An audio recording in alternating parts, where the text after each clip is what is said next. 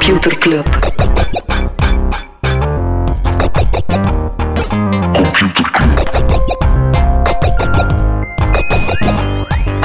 Computer Club. Hey Smolly, Hey Freddy. welkom, welkom terug. Welkom, welkom bij Computer Club, een wekelijkse podcast over technologie. Iedere aflevering selecteren Freddy en ik een eh, interessant artikel en presenteren een feitje. Luisteraars weten natuurlijk niet zo wat gebeurt er die seconden voordat we beginnen.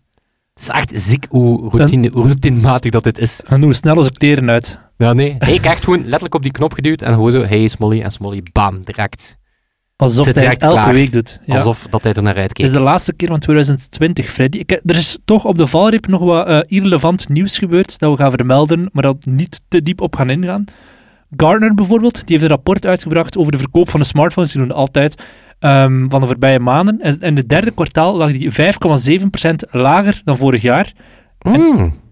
Toch, ja, eigenlijk is dat een reden tot feest in de sector. Er zijn weinig sectoren die de champagneflessen ontkurken als de verkoop 5,7% lager lag dan vorig jaar. Maar eh, ja, misschien de asbestsector of zo. Maar ehm in vergelijking met Q1 en Q2 is dat een stuk beter. Toen lag het 20% lager dan het jaar ervoor. Ah. ah, ik dacht net, omdat ik, ik, ik dacht net dat er wel weer dat er veel elektronica gekocht werd. Ja, mensen kopen als tijden. mensen hebben per budget voor elektronica per jaar en dan gaan ze dat in deze tijden misschien meer steken in van die eh, lampen om mooi te, vlog, eh, mooi te vloggen, om mooi te videocallen Ah, of om ja. deftige homework apparatuur. En ze gaan ook niet ja, het is een beetje een economische crisis, of die, die voelt zo'n beetje die ondertoon is er, want er komt crisis. Dan gaan ze uiteraard minder snel een nieuwe Misschien meer smartphone inderdaad kopen. hè. thuiselijke multimedia. Ja, ik denk het eh, inderdaad. Dat was een van de verklaringen die Gartner gaf, waarom het sowieso Oeh. minder lag.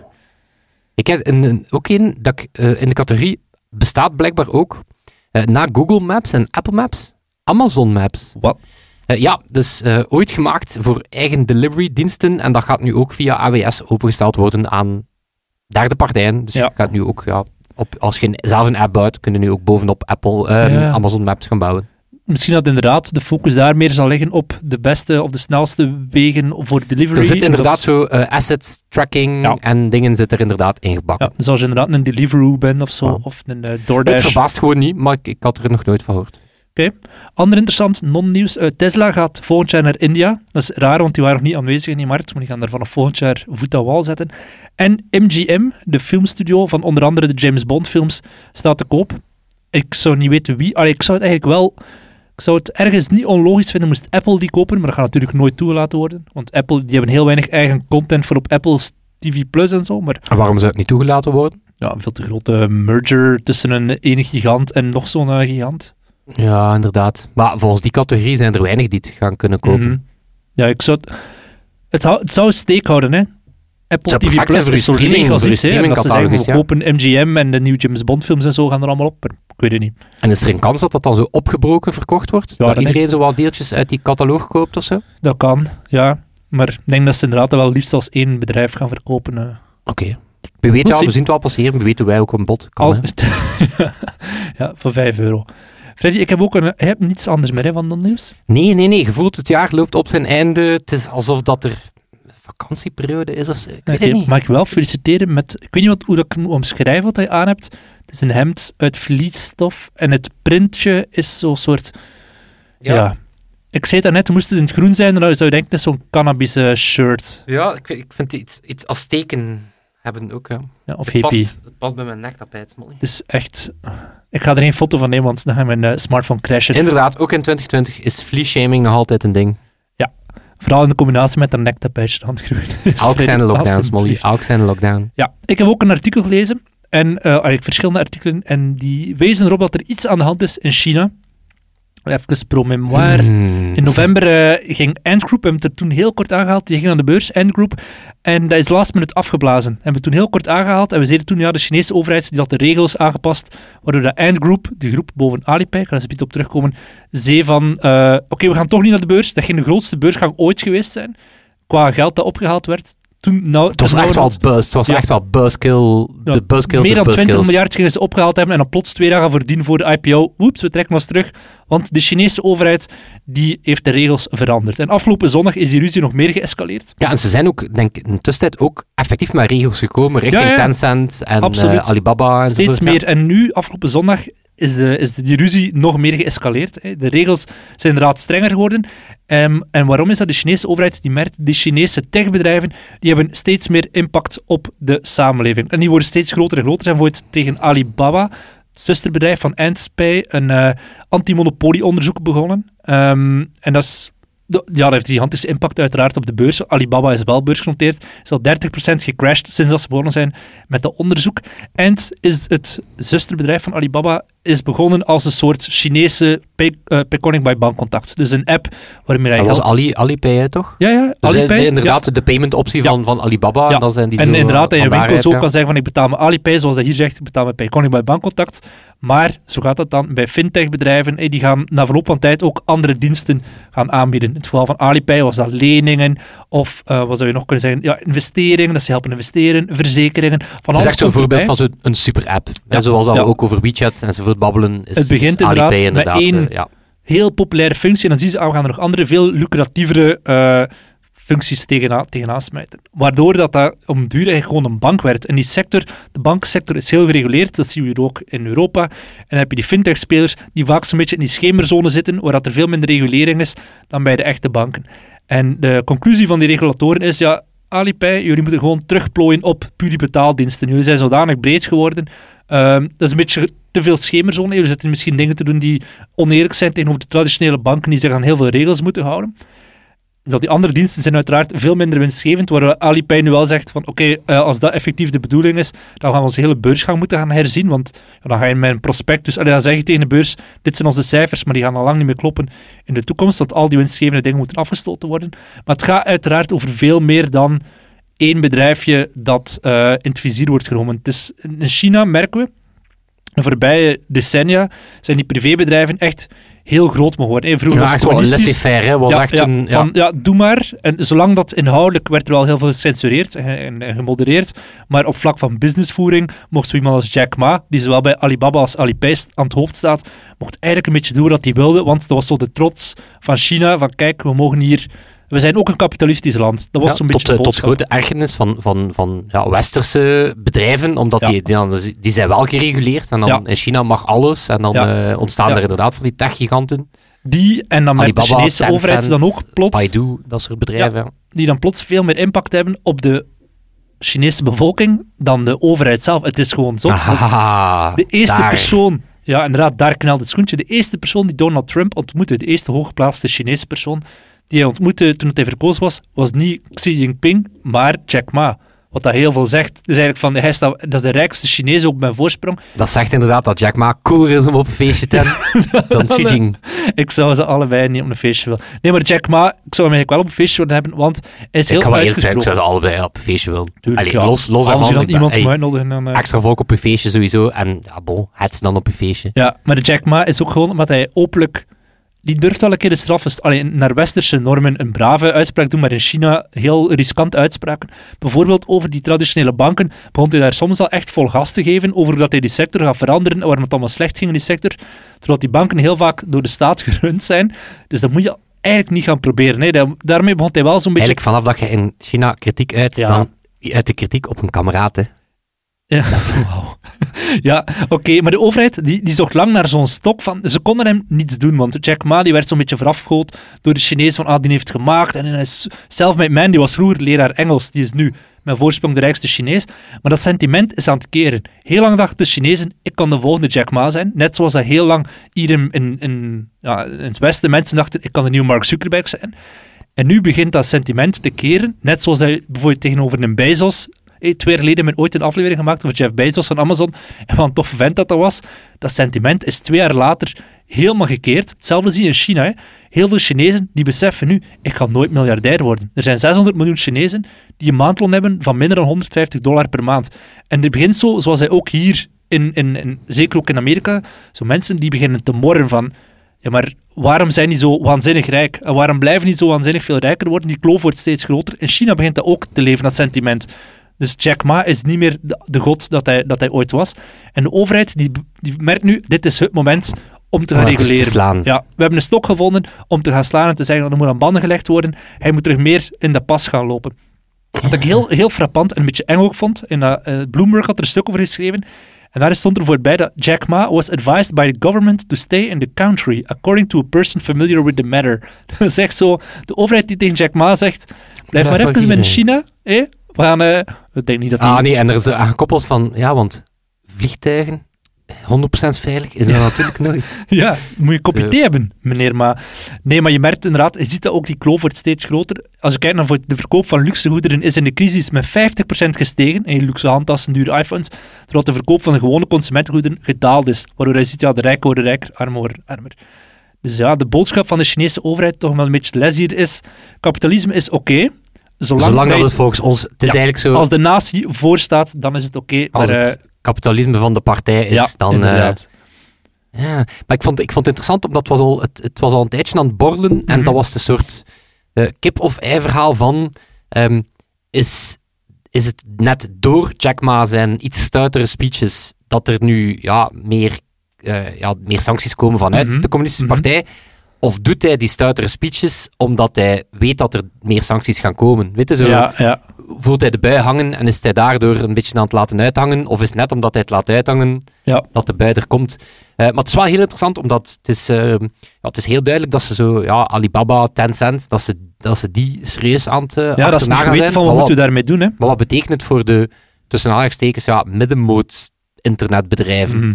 Want het was ook een klassiek verhaal. Het was ook zo, eh, vooral ook de internetsector, allee, de e-commerce, eh, internetbedrijven die totaal niet gereguleerd waren. Een beetje zoals bij ons, zodat die ook nog... Nee, en als ze gereguleerd waren, dan was het vooral inhoudelijk. Hè, van die boodschappen mag je niet zeggen op eh Weibo of, of dat soort platformen. Je weet van, je mag niet fuck de staat of whatever zeggen, want dan vlieg je er helemaal af. Maar zo op technologisch vlak en op business vlak was het inderdaad nog een beetje te wilde westen, maar aan het oosten. Over inhoudelijk u gaan moeien, eh, behoorlijk pijnlijk voor Zoom. Er was in het voorjaar, in de eerste lockdown, Uh-huh. was er, Weet je nog, de eerste lockdown. weet je nog, de eerste lockdown, toen was het nog nieuw. Eh, nee, toen was er een, eh, zijn er een hele hoop Zooms eh, gecanceld, omdat daar zogezegd kritiek op Chinese beleid, dat, dat was zogezegd rebellen, whatever, Ja. dat waren, dat waren kritiekasters. Ehm, en Zoom kreeg toen al terecht veel kritiek van, ja, maar waarom, wie zijn jullie om plotseling ja, Zooms te annuleren? Weet je, zo was hij nu mee aan het moeien. En nu is aan het licht gekomen dat dat via ehm, Chinese medewerkers bij Zoom zou gebeurd zijn, onder Zot. druk van de Chinese partij. Maar behoorlijk pijnlijk voor Zoom dat zoiets kan. Alleen Ja. zo van, zelf al zijn dat de meest overtuigingskrachtige mensen ever. Waarom laat het goed toe dat die plotseling andere mensen in Zooms aan het annuleren zijn? Mhm. Ehm, maar het toont wel, het toont wel dat het, het is wel een realiteit dat de, dat de Chinese partij, als ze het u vragen, gaat het wellicht doen. Ja, natuurlijk. Behalve als je Jack Ma bent. Maar ik weet het niet. Ik zie nog gebeuren dat, dat Alipay voor een deeltje dan genationaliseerd zou worden, bijvoorbeeld. Dat dat zo'n tussenoplossing is. Dan, ja, de Chinese overheid krijgt voor een deel meer grip op dat bedrijf. of zo. Ik weet het niet. Ja. De, ja, de beursgang die is al eens uitgesteld naar waarschijnlijk, naar mijn vermoeden, 2022. Ah, ik wist wel niet, ik wist wel niet dat Alipay ook effectief gewoon qua concept allee, of, of qua platform ook zou moeten inbinden. Ik dacht dat ze inderdaad zo ja, een beetje zitten zoeken hadden naar cijfers die niet helemaal goed waren. Maar nee, zo enzovoort. diensten Maar moeten afstoten waarschijnlijk. Hè, van, ja, jullie gaan ik geen wist niet dat dat zo ver doen, ging. Ik Ja. dacht dat het gewoon zo was van een beetje roet in, in het eten gooien, maar Nee, de boodschap is nu wel echt wel mocht eh, op back-off en plooi terug op die financiële, op de, de payments. En eh, laat de rest nog even op zijn minst heel grondig gaan controleren. Wat, wat zijn jullie daarvan plan? Maar misschien ook afstoten, I don't know. Ik heb nu zo'n gevoel dat ze in Luxemburg geen tijd naar Jack Ma aan het baan zijn. Van, kom af, kom af, kom af. Niemand moeide hier, niemand. Mensen komen tang, Zwitserland. Dus dat, sigaretten kopen, hupla, geld pompen in ons land. Niemand stelt zich vragen. wat een USP ook voor een land. Wat, Dat is echt zo, moest er ooit, eh, want we zijn dan met z'n allen eh, eh, massa vernietigingswapens gaan zoeken in Iran en in Irak enzovoort, maar volgens mij zit het niet in Luxemburg. Hè. Ja, Oh. echt. We gaan er allemaal gaan tanken, we gaan er allemaal sigaretten gaan kopen en je hoort nooit iets uit dat land. Nooit iets. Wat zijn ze er aan het doen? Geld aan het tellen, I don't know. Ja. Feitjes aan het kopen. Vriend maakt een feitje kopen van jou. Ja, kijk, met een eh, mooie jingle erbij. computerklas, Ik heb een weetje en het is zo evident. Allee, het eerste deel van het weetje is zo evident dat, dat ik bijna bang ben om te zeggen, maar ik wist het dus niet. En het heeft te maken met mijn eh, kerstcadeau. Vlies is fout. Nee, ik heb... eh, Wat? Dat was niet Ik weet je. heb een, nee, nee, ik heb een kerstca- ik heb, ik, ik heb me eindelijk een Roomba. Ik heb me eindelijk mezelf laten tracteren dan Een robotstofzuiger. Een robotstofzuiger. Eh, maar van waar komt de naam Roomba? Het is, extre- het is extreem evident, maar je staat er bijna niet meer bij. Van, van Nee. kamer? omdat Ah. je denkt, bijna een Roomba is zo een soortnaam geworden. Een, robot, een Roomba, a.k.a. Ja. een robotstofzuiger. Ja. Of dat dat dan van Roomba, het bedrijf Philips, iRobot is, of- of, ja. van Philips. Ehm, maar het is genoemd naar de dans, de Roomba. is een dans. En dat is zo'n dans waarbij dat je zo, ja, ik ga het proberen, zo een klein pasje vooruit, beetje naar de zijkant en terug. Ja. En dan naar links. Zoals een Roomba die tegen een stoelpoot botst. Voilà, inderdaad. Zo, en- het is, zo, het is de, de dans lijkt op een Roomba die zo door de kamer is. Maar dan was ik eens gaan kijken naar eh, het bedrijf iRobot, achter de Roomba. Ehm, en Smolly, je raadt nooit waarmee dat die begonnen zijn. Met de film met Will Smith. Hoe lang dat ze al bestaan en waarmee dat ze initieel begonnen zijn. Eh, Met de film van Will Smith. Toch? Nee. Maar weet- ja, ik weet het niet. Dat is zoals Nokia die ooit met wc-papier begonnen is, hè? Eh, wel, het, is, ehm, maar het zijn altijd robots geweest, dus op dat vlak iets minder frivol. We hebben begonnen aan, eh, aan, ja, met een aantal MIT-mensen in 1990. Wow. En een van de eerste dingen die ze eh, probeerden was eh, Mars rovers maken. Dus de Eh, ambitie was, we gaan op Mars gaan rijden en ze eindigen Voilà. in een... En een van, de, Keuken. een van onze Ja. eerste weetjes, eh, weet je nog, dat ging over ehm, technologie die, de- die de natuur nabootst. Ja, ja. Weet je? Biomimetica. Biomimetica, Ja. biomimicry, biomimetica. Eh, en de eerste robots ja, die waren geïnspireerd op spinnen of kreeften. En dan waren Ja. heel kleine pootjes over het, eh, over het Marsoppervlak zouden kunnen gaan lopen. Dus dat was een, een van de eerste dingen dat ze geprobeerd hebben. Eh, een van de eerste commerciële successen was voor het Amerikaanse leger. Dat waren mijnenveger, mijnenvegers. Damn. Dat waren robots die over ja, mijnenvelden liepen. Om En die, dus eh, dan nu nog zo die B2B dat hebben ze intussen, dat hebben ze intussen eh, afgestoten. Dus dat zei ook een van die oprichters die zei van... ehm, in het begin was het wel wat raar, want het ene moment zat ik in een meeting over ja, mijnenvelden en het andere moment zat ik in een meeting over hoe dat we over een tapijt konden rijden. Ja. Maar eens dat je daarover nadenkt... ehm, dus het is eigenlijk die, die, ehm, die robotstofzuigers zijn een beetje de combinatie enerzijds van de technologie waarmee dat zo, ja, die robots ook over een letterlijk slagveld rijden Mhm. en zich daar ook her, continu herpositioneren. En dan anderzijds hadden we ook voor een grote supermarkt een soort ja, industriële kuisrobot gemaakt. Het is een stuk die, die combinatie. Ehm, maar het interessante is dat de droom van die oprichters dus wel degelijk de, de consumenten robotstofzuigers zijn. Allee. Dus het is niet zo wat per toeval. Nee, nee, het plan was altijd eh, Rosie uit de Jetsons. Weet je, zo die Ja. robot butler. Ja. Eh, dus het plan was altijd ehm, om dat te doen. Dus ze, ze hebben intussen die, ja, die fancy Maar ja, dat zijn ze nu waarschijnlijk omdat ze beschaamd zijn om te zeggen ja, vroeger gingen we naar Mars en dan, ah, we gaan mijnen ontmantelen en nu is ja, nu zitten we stofzuigerrobot te maken. Eh, ja, maar het legt, wel- het legt wel geen windeieren. Want Ja, eh, waarschijnlijk. eh, een vijfde, om dan wat statistiek te knallen, een vijfde van de wereldwijde super ehm, eh, stofzuigermarkt zijn robotstofzuigers. En van die robotstofzuigers zijn 70% Roombas. Amai. Ja. Hij hem ook in. Roomba, tja, tja, tja. Ik heb ook in, maar in een huis met meerdere verdiepingen is dat wat nutloos. Ik heb al besloten dat ik met Roomba eh, toffe hoedjes ga aan. Uiteraard. Of is dat van ook die al googly eyes. eh Maar ik weet niet, ik dacht gewoon zo een keer een toffe een safari Instagram-account. hoed of een toffe... Ja? even anders een Instagram-account. Nee, ik ga wel een toffe naam moeten geven. Dus suggesties daar ook, Ja. eh, ook altijd welkom. Dat is mijn zuiger. Maar dus ja, kijk, het bedrijf achter Roomba, die man hadden wel ambities. En ja, de Roomba-dans, ja, die wil nu zijn, zijn eh, herkenbaarheid terug. Oké. Dat ook salsa kunnen zijn. Dat ook. Ja, maar het is echt, zoek de Roomba-dans op en dan ga je zien dat het patroon van de Roomba effectief gewoon dat van de Roomba-dans is. Alright. Ja. Freddy, heb je ook een artikel eh, gelezen? Ja, ik heb een, eh, een artikel gelezen en het is, eh, het is een superhoog gehalte... Allee, hij ontdekt het ook en hij komt hier er ook mee af. Hello, Nee. fellow kids. Hello, fellow cool kids. Nee, het gaat over de, ehm, de verkiezing van de, op de streamies. Dat is een beetje de, de Oscars voor YouTubers en Twitchers. Eh, Uh-huh. en dat was voor de creator van het jaar. En dat was eh, Jimmy Donaldson, de 22-jarige.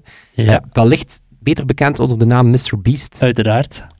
Nee, het was een, een profiel dat ik gelezen had over die, over die Mr. Beast. Weet je wie dat is?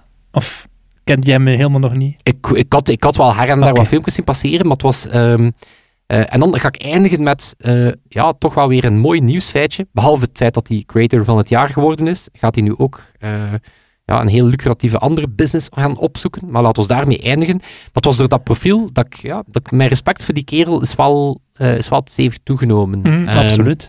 maar dus voilà, ik ben dus een oude gozer die hier eh, over, het, over YouTubers gaat spreken. Dus ik ga sowieso de jeugd op mijn donder krijgen. Ik ga sowieso op mijn donder krijgen van streamers gelijk Janox. Maar bon. Ja. Smolly, jij bent is al vlogger, cool.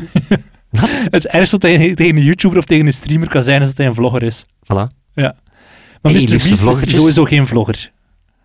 Ehm, maar die, dus, die, dus enerzijds suc- ja, qua succes, eh, meer dan 48 miljoen abonnees. Eh, vorige maand alleen, of deze maand alleen al 34 miljoen uur bekeken. Mhm. Eh, 4 miljard views in 2020. Eh, en een van de ehm, enige op YouTube, eh, of, of, of om wat te zeggen hoe succesvol het is, elke video dat hij ooit gemaakt heeft, is meer dan 20 miljoen keer bekeken. Damn. Dus elke video. Ehm, en daarover gaat het. Ehm, dus die, die kerel is extreem consistent. Mhm. Dus, ehm, en ja, dat profiel gaat over het feit hoe hard dat, die, dat Mr. Beast gewerkt heeft voor dat succes. Dus al sinds 12 jaar met YouTube bezig en was toen al met zijn vrienden bezig naar ja, zoeken naar wat is het geheim om ja, het algoritme te kraken. Is van, Mhm. wat maakt nu dat sommige video's en sommige eh, vloggers eh, zo succesvol zijn. En ehm, het succes, eh, of, of het geheim voor hem is doorzetting. Doorzetting gecombineerd met tonen dat je er echt wel hard voor gaat. Ehm, Ja, en zijn eerste video... inhoudelijk feel good, maar dat is misschien voor straks. Maar, Ja, wel, inderdaad. ja, ja. Ehm, weet je wat zijn eerste succesvideo Nee, was? echt geen idee. En het, is, het, is, het past dan meteen in het genre dat hij, en, en daar, daar kunnen we het zo meteen over hebben, en hij heeft eh, tot, eh, tot 100.000 geteld. Dus hij heeft 40 uur, dus een video van 40 uur, eh, waarbij dat hij gewoon tot 100.000 telt, en dan eindigt met What am I doing with my life? Ehm, en dat legt hem geen windeieren. Dus intussen, ja, intussen zijn, ja, zoals gezegd, video's extreem veel bekeken. Ehm, en het coole is dat, ja, dat gaat dan over tientallen miljoenen dollars dat hij daarmee verdient. En dat investeert hij quasi volledig terug in zijn video's. Ehm, productiebudget is van 10.000 dollar, wat al niet verkeerd is voor een vlogje, Mhm. eh, voor een video, eh, naar 300.000. Ehm, want ja, je kent het wellicht als eh, bijvoorbeeld een van de challenges, want dat is dan een van de genres dat hij zo wat mee aan het doen is, Mhm. is ja, eh, challenges waarmee dat je dan ooit veel geld kan verdienen. Ja. Een beetje combinatie van een challenge en een beetje filantropie. En dat ging dan bijvoorbeeld over ehm, je hand op een stapel van 1 miljoen dollar houden en de laatste die zijn hand ervan trekt, krijgt het. Mhm. Dus zo heel dat genre. Intussen heeft die kerel ook een team van 50, van 50 personen. Dus als hij ooit zegt van kijk, ehm, we geven een eiland weg, want Ja. dat is dan een soort shit dat hij uitsteekt. Dus er is ook wel een kantje van, het wordt zotter en zotter, want ja, eens dat je door hebt dat het succes is, Mhm. we doen zotte shit met extreem veel logistieken, want daarover gaat het dan. We geven een eiland weg, a.k.a. zijn team moet een eiland gaan kopen, zand daarop storten, een pier gaan bouwen. Ehm voilà. Ja, wat ik een hele mooie eigenlijk video ook van hem was, vond, was dat hij een, eh, een huis weggaf aan een pizzacourier. Dus hij, hij, liet een dude een pizza laten komen en hij zei van, ah, toevallig verhuis ik vandaag met mijn vrienden eh, naar een ander huis. Heb je zin om ons mee te helpen? Ik ga je betalen en niet meer met je pizza shift moet doen. En heeft dan, die, die pizzacourier heeft heel de dag lang mee stuff helpen kopen, ook voor in dat huis. En mee helpen verhuizen. En aan het einde van de rit zei die dude, Mr. Beast zei, weet je wat, dit huis is eigenlijk voor jou. Cadeau. En die dude begon te, te wenen, want ja, dat was zo'n typisch Amerikaanse... Ja, een pizzacourier heeft niet veel geld, dus die was... eh, ja, dat is dan een soort, soort feel-good, noemen we dat, maar dat is de, de video's waar Mr. Beast bekend om is. Voilà. Ah, wel, maar dus het, eh, het, dat is het ding. Het is, het is zo consistent en zo herkenbaar dat het ook een volledig genre geworden is. Mhm. Zo, dat heet dan Junk Lord. Eh, combinatie dus, waarover gaat dat? Eh, heel simpele premises. Dus bijna al zijn video's die hebben een heel, heel simpele... Ik heb 10 uur naar een rapvideo gekeken van een andere YouTuber. Ik heb 24, 24 uur in de gevangenis gezeten. Ehm, ik koop alles in een winkel. Ja. Zo dat soort dingen. Ehm, dus enerzijds, heel simpel premies, altijd een challenge. The last one to, live the, to, to leave the slime pool gets. Ehm, eh, cameo's van andere YouTubers, ook zo een Mhm. klassieker. klassieker. Eh, reacties van zijn, van zijn jeugdvrienden. Hè, zo'n typische hype man. Een beetje zoals dat iedere hiphopper ook een possie heeft van oh, Ja. hè, dus dat ding. Ehm, maar dan effectief dus, dus een beetje die challenges gekoppeld aan ja, serieuze logistiek. Echt zo het soort logistiek dat je denkt, wie doet Dit is dat? tv-productie. Voilà. Eh, ik heb 1 miljoen centjes in mijn maat zijn tuin gelegd. Zo'n beetje like dat... eh, vroeger, als, je, als mensen trouwden, dan ging, de, dan ging die gaan kloten. Ja. Dat was zo het concept. Dan gingen die, eh, dan gingen die eigenlijk op hun trui, Een muur van bakken bier voor onder de deur gaan zetten. inderdaad, of de muur dichtmetsen. Of een volledige vloer met bekertjes water gaan zetten. hè, zo dat, soort, dat soort toestanden. Eh, drie, drie muizen in een doos gaan... Nee, twee muizen in een doos gaan steken en op de rug van die twee muizen 1 en 3 schrijven. Oh my god. Dat soort, dat soort toestanden. Zieke geest. Hè, dus dat soort dingen, maar dus dat is volledig, volledig, volledig genre geworden. Ehm, en dus die junklord, en dan dat gekoppeld aan een beetje filantropie. Hè, geld weggeven. eh, ja, vaak ja. aan mensen die als serveerder werken of als pizzacourier. Voilà. Ja.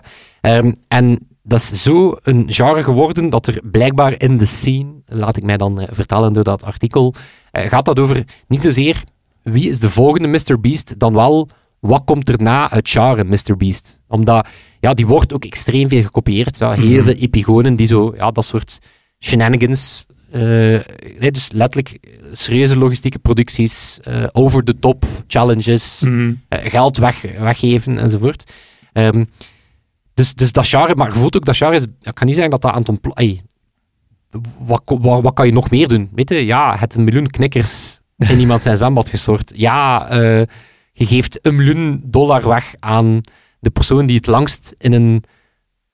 Dit zijn allemaal video's, hè. De persoon die het langst in een tank met ramen zit. Ramen, Bouillon, als in de noedels. Ramen, ja. noedels, Ja. bouillon. Dus snap je, wat kun je daar nog zotter doen dan dat? Ehm, maar dus die, die dude is ook wel... ehm, enerzijds blijft hij behoorlijk normaal. Heel chille dude. Mhm. Succes stijgt niet meteen naar zijn hoofd. Allee, of eh, blijft, toch, eh, blijft toch wel redelijk eh, low-key. Ehm, maar waarmee is hij nu begonnen? Dat was het, eh, het nieuwsfeit, of de aanleiding om het er nu zeker eens over te hebben. Is ook een beetje aan het diversifiëren. Hè? Dus is enerzijds ja, natuurlijk ook met de kledijlijn en Mhm. dat soort producten aan het komen, maar ehm, past perfect in alle trends ehm, van 2020. Direct-to-consumer en Dark Kitchens is een eigen burger begonnen, Beast Burger.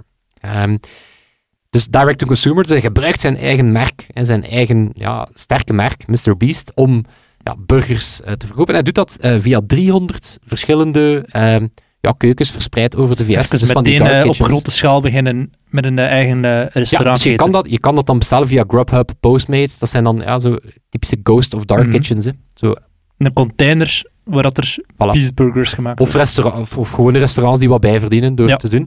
Eh, en dat is zo succesvol dat dat het afgelopen weekend was dat de tweede meest populaire gratis iOS-app. Damn. Maar dus om wat te zeggen, het, het is opnieuw eh, mensen die, eh, mensen die ja, actief YouTubers volgen, die gaan nu echt zeggen van, allee, allee Freddy, hoe?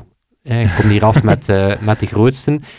Maar gewoon het, de, de, de mate van succes en, en allee, het feit dat hij dan ook effectief zegt van, ik begin een burger, Mhm. en dan ook meteen de tweede meest populaire gratis app daarmee wordt, ja, toont wel dat dat, dat, dat Een zakenman dingen is, zijn. Ja, dat één, dat is een serieuze zakenman. En twee, dat dat ook serieuze business is. En die man, ja, die, die kerel ook eh, veel ambities nog. Wil onder andere een eigen e-sports team. Is ook met een gaming channel begonnen dat ook al meteen tientallen miljoenen subscribers Mhm. heeft. Dus eh, ja, kerel die eh, hard, hard gewerkt. En Ja. eh, het, het legt hem geen windeieren. Nee, nice. Ik kijk af en toe zijn video's, maar ik zou niet meteen een beastburger bestellen. Voilà. Eh, maar ook daar zijn ze gigantisch ambitieus mee. Dus nu is, zijn ze al over heel de VS, maar daar is ook het plan om meteen wereldwijd te gaan. Zalig. Jada, jada, jada. Cool. Alright. Maar ik ben benieuwd wat er zou gebeuren, Smolly, moesten wij elke week een podcast opnemen. Zo, Gedurende pakweg 2,5 jaar. dan zouden we aan... eh, ja, hoeveel miljoen views heeft hij? Misschien moeten we een van ons in een eh, bad vol ramennoedels steken en zien hoe lang dat duurt voordat we eruit komen. Dan was ik nog aan het denken. ik stel voor, voordat we eruit gaan, dat we behalve onze amigos Sebastiaan en Toon, Sebastiaan die de edit doet, eh, bedanken ook onze vrienden van de show. Ja. Bedanken. En die helpen ons een stukje, ja, die steunen de podcast, helpen ons met onze hosting enzovoort. Eh, vriend van de show.nl eh, kan je ons op terugvinden. Of, we hebben er vorige week niet meer op teruggekomen, stel dat wij bijvoorbeeld op wish.com een pepperrobot zouden bestellen, Oh om god. die dan gewoon op te blazen. Nee. Hebben we dat Al gedaan? dat- we hebben dat nog niet gedaan. Nog niet gedaan, oké. Ik dacht maar even als onze vrienden van de show dat oké vinden, was. Ja, met dat geld. al kost zo'n pepperrobot? Op wish.com, Ja, 12 euro of zo. 24 dollar. Ja, oké. Nee, dat moeten we wel doen. Dan is de vraag gewoon, Nou, op welke op originele YouTube. manier kunnen we die kapot maken? Ja. Oké, dat kan. Waar kunnen mensen naar reageren? Ik stel voor dat we het op, eh, op het clubhuis eh, Ja, gooien. hè. dan gaan we de clubhuis gooien. Voilà. En eh, voor de rest, ja, op onze website vind je ook onze artikels terug, onze merchandise. Dat is computerclub.online. Voilà. Volgende week gaan we terug een, eh een nieuwjaarsspecial doen. Dan blikken we terug op het voorbije jaar. Het was een beetje een bijzonder jaar. Maar toch weer eh, van alles gebeurt. Ook op dagvlak. Dus eh, daar, gaan we het, eh, daar gaan we voor de eeuwigheid inblikken. Dus dat zal zijn. Tot volgende week. Tot volgende week. Yo. Computer Club.